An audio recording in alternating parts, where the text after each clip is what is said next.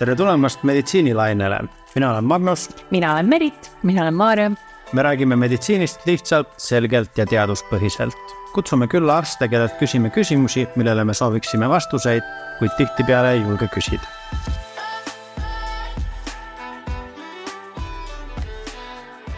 nii, tere taas, hüppame meditsiinilainele ja täna räägime sellisest huvitavast teemast nagu põletused ja meil on äh, külas äh, erakorralise meditsiini arst Sander Poks, tere Sander. tervist. tere ka minu poolt. ja kust siis alustame, mis äh, need kõige sagedasemad põhjused on, miks tekivad põletused? no põletuse alla lähevad siis kõik erinevad vigastused, mis on enamasti seotud sellise kõrge temperatuuri toimega, et noh, kõige rohkem lastel me puutume kindlasti kokku selliste kuumade vedelikuga seotud põletustega, mida nad võivad endale kogemata peale tõmmata mm -hmm.. täiskasvanutel pigem on sellised lahtise leegiga seotud põletused. aga peale selle, mis on harvemalt, mida võib ka esineda, on igasugused näiteks elektriga eh, seotud eh, põletuskahjustus või siis isegi keemiline põletus. millised need eh, keemilised põletused on, see tundub selline teema, millega mina ei ole väga kursis. mil-, millised keemilised ained, millistest me räägime? Eks me nendega puutume ise ka võrdlemisi harva kokku, rohkem see on võib-olla sellises äh, tööstuslikus kontekstis, äh, inimesed oma töökohal võivad nendega kokku puutuda. noh, võib-olla mõni, mõni, kodukeemia võib ka natuke rohkem seda põhjustada. pigem siis sellised väga aluselised puhastusvahendid, mis noh, seal enamasti hoiatus ka peal, et nad on väga nahka ärritavad, et neid kuskile eemal hoida. aga neid me näeme ikkagi võrdlemisi vähe, ma arvan, nad on seal mõni protsent kõikidest põletustest ja elektriga ma oletan natuke samamoodi, et äh, seda väga tihti nagu kodustes tingimustes ei, ei juhtu. Äh, jah, noh, raske öelda nüüd, kas teda juhtub ilmselt ikka nii kodustes kui, kui ka töötingimustes, aga teda juhtub kindlasti vähem kui, kui igasuguseid teisi põletusi. aga kodus on võimalik seal lapsel midagi seinakontakti sisse sureta ja, ja sealt põletust saada ja ma arvan, et sellel teemal üldse lapsed on päris äh, suures, suures rollis, et kui me räägime sellistest äh, sagedamatest põhjustest, siis söögi tegemine on kindlasti üks selline. nagu sa ütlesid, et tõmmatakse mingit vedelikku omale peale või laps läheb ahju vastu või, või midagi taolist jah, kindlasti, et kui me üldse mõtleme, kes meie siuksed põhilised põletuspatsiendid on, keda me kiirabis erakorralises meditsiinis näeme, siis nad ongi reeglina kas väiksed lapsed, kes ei oska ise veel oma ohutust jälgida või siis täiskasvanute puhul tihti on alkoholi roll seal mängus. kindlasti juhtub niisama õnnetusi ka, kõiki ei ole võimalik ära hoida, aga ma arvan, need on sellised äh, põhi, põhi meie kunded äh, seal ma hakkasin praegu mõtlema, et äh, kas on mingid sellised populaarsemad nii-öelda ajad ka, millal neid põletuspatsiente teile rohkem, kõige rohkem tuleb, et kas mingi jõuluaeg on nagu põhihooaeg või palgapäev või? no täiskasvanutel on jaanipäev ikka on üks, üks äh, hea päev ja teine asi, kui me räägime ilutulestikust, siis uusaasta. Need on siuksed kaks päeva, mis me saame kalendris ära tähistada põletuse poole pealt, aga muu osa ajast. noh, ongi, millal on rohkem sihuke lõkke tegemise hooaeg ja, ja millal noh, jõulu, jõuluhooajal võib-olla rohkem küünlad kodus, midagi sellist, et on see risk suurem, aga kui mõelda siukseid äh, vede, kuuma vedeliku põletusi, ma arvan, need on aasta ringi suhteliselt äh, võrdselt. okei okay. aga kui meil nüüd on olukord, et äh, olen kodus, on juhtunud midagi, kas mulle endale või laps on, ütleme, tõmmanud selle mingi kuuma tee omale peale. siis kuidas ma üldse nagu hakkan hindama seda, et, et kas asi on tõsine või, või mitte mm? -hmm alguses väga palju aega selle hindamise peale ei soovitagi kulutada, et alguses põletuse korral on just esmaabi hästi oluline. et sellest, kui kiiresti alguses seda esmaabi rakendatakse, sellest sõltub väga palju see, mis see hilisem tulemus on, et kui mm -hmm. sügavaks see põletus võib kujuneda, kas ta võib pärast vajada mingisugust eh, lisaravi, kirurgilist plastikat või kas võivad mingid armid tekkida, et sellepärast eh, mina alustaks kohe esmaabiga.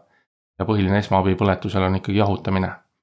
ehk siis kohe eh, sihukese leige vee alla selle põletuspinnaga Äh, kas ja... Äh, leige, mitte külm?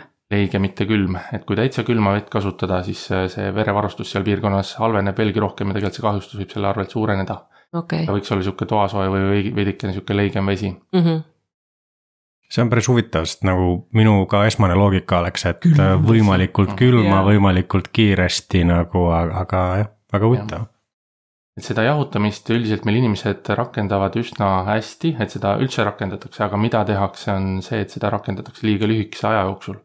mis see aeg on siis? tegelikult eh, peaks põletuspinda jahutama kakskümmend minutit. opa mm. -hmm.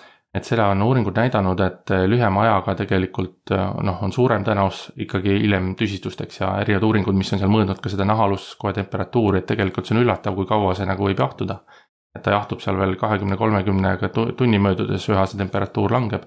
et kakskümmend minutit on selline üsna optimaalne aeg, et, et et see temperatuur langeks nii madala, et sellist edasist kahjustust seal kudedes edasi ei areneks. kas ma saan õigesti aru, et seal võib siis nii-öelda see põletus töötab edasi või noh, tekib ikka edasi sul seal naha peal, kui sa seda ei jahuta ja. jah, et sa võid küll selle naha, nahapinna üsna ruttu äh, maha jahutada, aga tegelikult mm -hmm. seal nahaaluskoes võib seda kõrget temperatuuri, aga tegelikult seal on teised mehhanismid ka juures, kuidas see kudede kahjustus võib edasi areneda, et, et tasub seda pikemalt jahutada ikka jah me rääkisime siin natukene, ütlesid jaanipäev, siis mul tuli ka meelde, et põhimõtteliselt ju jaanipäeval ka kallad lõkke peale ämbritäie vett, siis nagu asi on nagu kustunud, aga tegelikult me kõik teame ju, et see võib veel, seal all käib veel nagu asi edasi. täpselt nii on, umbes sama põhimõte on ka inimese naha puhul jah. kas äh, lisaks nüüd sellele leigele veele on mõni võte veel selline, kui mul ei ole näiteks jooksvat vett hetkel võtta mis jah, ma teen? üldse vett käepärast ei ole, võib mingisugust sihukest niisket kompressi kasutada võib-olla mm. -hmm. kui ei, üldse midagi ei ole jahutuseks peale panna, siis soovitatakse toidukilega katta see põletuspind. ja siis nii kauaks, kuni siis õnnestub seda jahutada, kuni sa jõuad kuskile veeallikani. et lõpuks ikka sihuke veega jahutamine on üks sihuke põhimehhanisme või põhi nagu eesmärke. on igasuguseid neid põletuskeele olemas, eks neil on ka oma sihuke jahutav mõju selgelt nagu noh teaduspõhisust selle juures ei ole, et ta nüüd kuidagi paremini toimiks kui lihtsalt veega jahutamine. et äh, kui on juba võimalus jooksva vee all seda äh, põletuspinda jahutada, siis tingimata selle põletuskeeli pole vaja peale panna. mm -hmm. pärast jälle, kui tuleb kiirabi või kui läheb edasi patsient EMO-sse, me jälle peame selle maha pesema, üle hindama seal. et pigem me paneme selle siis kõige lõpus peale, kui on juba kõik toimingud selle haavaga tehtud ja haav on kinni seotud. mis ma selle jahutamise koha peale veel ütlen kakskümmend minutit jahutamist, soovitus on tegelikult, et seda võib teha kuni kolm tundi peale seda põletuse teket et tegelikult, kui isegi alguses see esimene hetk on meil mööda läinud, on kasvõi mm -hmm. tund aega mööda põletusest, tundub, et juba kõik on, mis on juhtunud, on juhtunud. tegelikult isegi siis tasub see kakskümmend minutit võtta ja jahutada seda pinda. okei okay., kas on ka mingi erinevus nüüd, kuidas ma käitun lapse puhul, kuidas täiskasvanuga mm? -hmm. no lastega peab olema ettevaatlik selle suhtes, et kui me mõtleme selle eh, põletuspinna jahutamise, jahutamisele tõenäoliselt, mis kõige rohkem tehakse, on see, et lähme dušinurka ja laseme dušist sihukest leiget vett sinna peale nüüd lapsed, kes on väiksema, nende see kehapindala on, on siis äh, nende kehakaaluga võrreldes äh, suurem, et nad jahtuvad kergemini, et seal on oht, et nad võivad ka alajahtuda kergesti sellega mm. -hmm. ehk seal peaks olema ettevaatlik, et sa samal ajal siis nagu jahutad seda põletuspinda, aga samas seda patsienti või seda abivajajat soojendad. et sa võidki talle panna seal mingid ikka soojad rätikud, asjad ümber, aga ainult see põletuspind on siis see, mida okay. sa jahutad selle veega aga kui meil nüüd siis nagu tundub, et asi on, on võrdlemisi tõsine, me oleme seda esmaabi juba teinud, aga läheb võib-olla see põletuse koht väga punaseks või hakkavad tekkima mingid villid või midagi, siis millal peaksime siis nagu EMO poole pöörduma või mm? -hmm. no siin võib lühidalt rääkida ka nendest põletuse astmetest, et te olete ilmselt on paljud inimesed ka kuulnud on, et erineva, erinevate astmete mm -hmm. põletused, esimese, teise, kolmanda aste. et ainukene põletus, millega ilmselt kuskile ei ole vaja pöörd-, pöörduda, on selline esimese astme põletus. noh, klassikaliselt on selline päikesepõletus, on lihtsalt punetus, võib-olla natukene seal valu, aga ei ole mingit ville, ei ole mingisugust nahakahjustust selle juures. eriti kui see on väikesel alal, et siis see, see on sellise asjaga saab enamasti inimene oma jõududega hakkama. kui on ikkagi juba suurema pinnapõletus või seal on näha ville või nahakahjustust, eh, siis peaks ilmselt kuskile edasi pöörduma ja nüüd see sõltub natukene sellest raskusest ka, et, et kas oleks siis kohe vaja kiirabi kutsuda või piisab ka sellest, kui ise lähed lihtsalt rahulikult rahapunkti. et kindlasti, kui on selliste väiksemate lastega tegemist, siis noh, isegi väiksemate põletuste puhul pigem ma soovitan ikkagi kiirabi kutsuda. seal on oluline ka see, et, et saaks seda valu alla võtta ja mm -hmm. selleks ei pruugi kodus väga häid vahendeid olla, et, et kiirabis on meil natuke paremad vahendid selleks, et me saaksime ka lapsel korralikku valuravi teha täiskasvanute puhul noh, sõltub jällegi seisundist, et kindlasti, kui on sellised suure pinna põletused noh, siis on, ei ole küsimust kindlasti kiirabi, kui on midagi sellist vahepealset, no võib vaadata, kuidas see seisund on, et kui õnnestub endal see ilusti ära jahutada ja, ja kinni siduda, et siis võib ka ise pöörduda traumapunkti. sa mainisid äh, valuravi, mis see kodune valuravi on, kui ma täiskasvanuna nüüd ikkagi mul on see põletushaav maru valus, on ju. mis ma teha võiksin? no käsimüügi valuvaigistus on selline esimene samm, ibuprofeen ja paratsetamool, neid nii täiskasvanule kui ka lapsele saab anda, noh lapsel sihukeses erakorralises situatsioonis, kui ta on väga väga väike, siis saab ka küünlana äh, manustada mm -hmm. neid. Ehm, nad ei hakka küll väga ruttu toimima, ilmselt kuskil pool tundi või kauem võtab see aega, et, et äh, pigem neist on sihuke suurem efekt seal natuke hiljem. et kui on ikka sihuke äge valu, siis ega äh, sihukest üldist asja, mis seal minutitega seal alla võtakse, kodus väga ei olegi, et siis on juba pigem kiirabi küsimus, et kui see valu on väga tugev, siis. kiirabi tulles saab natukene siukseid kiiremini toimivaid ravimeid ja, ja tugevamaid valurohtusid manustada aga kas mul peaks kodus olema esmaabikapis põletuse jaoks mingisuguseid asju mm? -hmm Ehm, jah, no siin on see põletuskeel on selle, see, mis on sihuke põhiline küsimuse koht, et kas seda on siis vaja või mitte. et tegelikult ma usun, enamikes olukordades saab sellega ilma selleta hakkama, pigem kui on võib-olla kuskil koduvälises keskkonnas, kus võib-olla abi ei ole väga lähedal, et siis ta võiks olemas olla, et kui sul ongi vaja kuskil. Ma ei tea, metsas matkates näiteks oleks vaja see põletuspind kuidagi ära katta, et siis sa saad pärast jahutamist ja selle põletuskeeliga katta ja. võib-olla siis kas selle eh, toidukilega või, või, või mingi muu sidemega eh, sulgeda. lihtsalt kodutingimustes otseselt äh, konkreetselt põletuse jaoks tingimata midagi, ma arvan, vaja ei ole. ettevaatlikkust.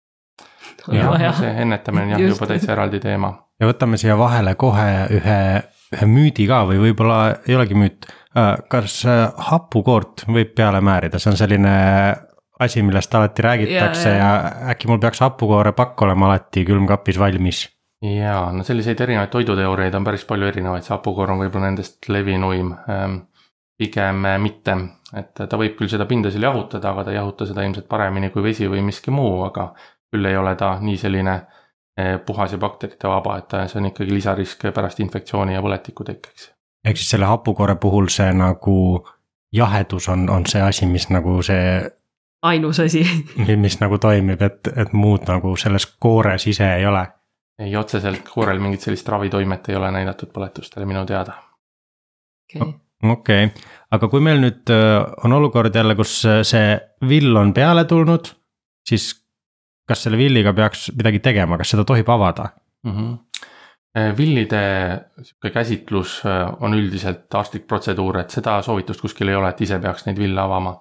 ja kui me siis haiglas vaatame neid ville, seal sõltub natuke sellest villide ulatusest, et kui on väga sellised pidmised väikesed villid, siis nemad tõenäoliselt ilusti resorbeeruvad ise ja neid ei pea kuidagi avama hakkama kui nad on sellised äh, paksema seinaga seal, sellised ulatuslikumad, võivad pärast hakata noh, sihukest lisavalu ja, ja, ja probleemi tekitama, et siis me üldiselt eemaldame need jah.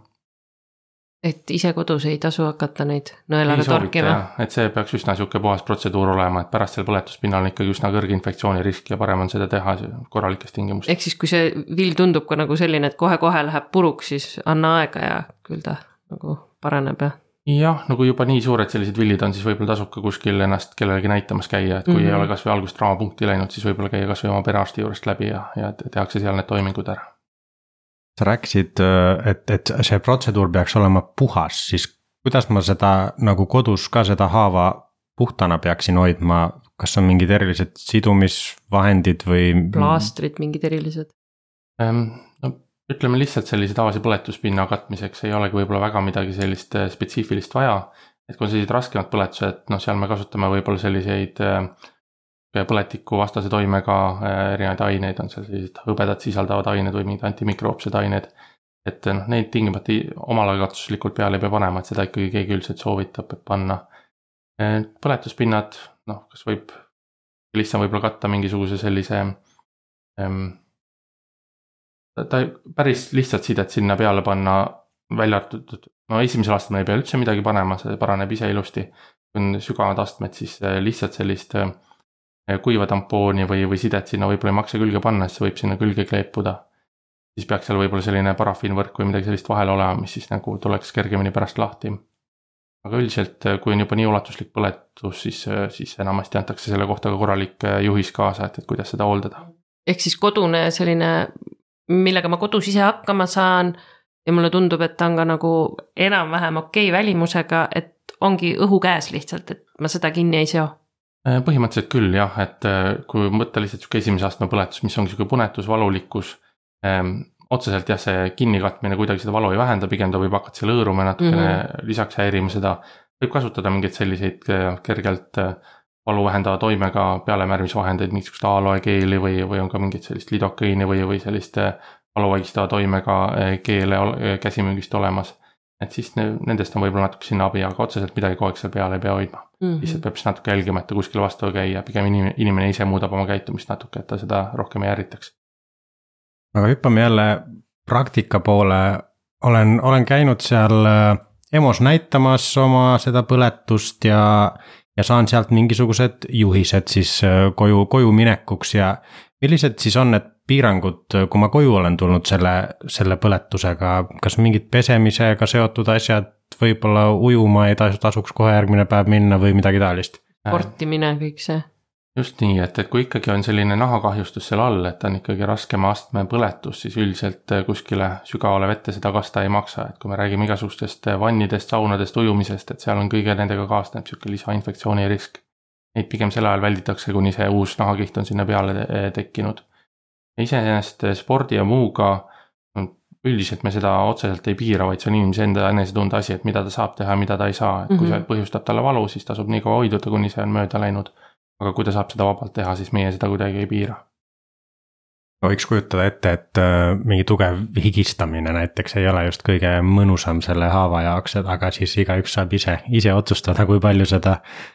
kas tahab pigem trenni teha või, või, või mitte jah, no kui me räägime esimese astme põletusest, siis me seda kuidagi ei kata, et selle saab pärast maha pesta, kui on raskem astme põletus ja see on kuidagi seotud, siis enamasti neid sidemeid ja seda, mis iganes sinna peale parajasti pannakse, seda peaks ka kas iga päev või iga paari taga, päeva tagant nagunii vahetama ja ümber siduma, et samamoodi hügieeni hoidmine, kui ikkagi on vahepeal mingit higistamist, lisakoormust, et siis tuleb lihtsalt uuesti see ümber siduda.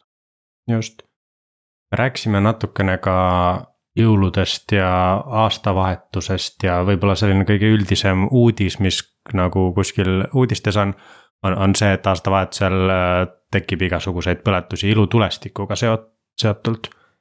kas ilutulestikuga või selle ilustule, ilust, ilutulestiku poolt tekitatud põletushaavade puhul kehtivad samad reeglid või on, on nendes mingi erilisusi? Äh, põhireeglid on samad, lihtsalt võib-olla selle ilutulestiku iseloomust need vigastuse tüübid on natuke teistsugused, et mida ilutulestikuga kindlasti rohkem esineb kui igasuguste muude põletustega, on silmakahjustused, et mm -hmm. tihti võib, võib millegagi seal silm pihta saada. teine asi, et seal on selline plahvatuse moment juures, et võib lihtsalt sihukest muud koekahjustust sinna juurde tulla, mis ei olegi tingimata põletuslik, vaid lihtsalt ta lõhub seal neid kudesid rohkem. et seetõttu need traumad on võib-olla raskemad, aga kui ainult sellest põletuse poolest seal rääkida, siis noh, nagu paljude teiste põletustega ka, seal võib ikka selliseid ähm, ütleme, väikseid võõrkehasid või sihukest võõrmaterjali seal lavas olla, et eks see vajabki korralikku puhastamist ja, ja, ja, ja korda tegemist, et seetõttu enamasti kodustes tingimustes neil selliste haavadega hakkama ei saa, et nad vajavad ikkagi traumapunktis käsitlust. mis seal nagu halvasti võib minna, kui ma nüüd ei võta sealt neid asju ära, ei puhasta, ma pelgan kiirabi, ma ei tule? jaa, see on põletikurisk, et kui selline võõrmaterjal jääb sinna haava sisse, et siis see võib infektsiooni tekitada. see tagajärg on juba kehvem mm. -hmm ja nüüd siis lõppu veel äh, üldised soovitused sinult kui professionaalilt, kuidas me saame ennetada põletustraumasid kõige paremini, mida me peaks äh, arvesse võtma võib-olla oma igapäevaelus mm? -hmm. noh, siin oleneb natuke sellest põletuse tüübist, et kui me räägime siin sellisest täiskasvanute puhul enam levinud võib-olla leekpõletusest, seal on sihuke üldised tuleohutuse aspektid, et meil oleks kus toimib suitsuandur, et me lahtise leegiga oleksime ettevaatlikud, vaatama, et mingit põlevat materjali seal lähedal ei ole. keegi nendele, no võib-olla lastest või, või lemmikloomadest sinna väga ligi ei pääseks.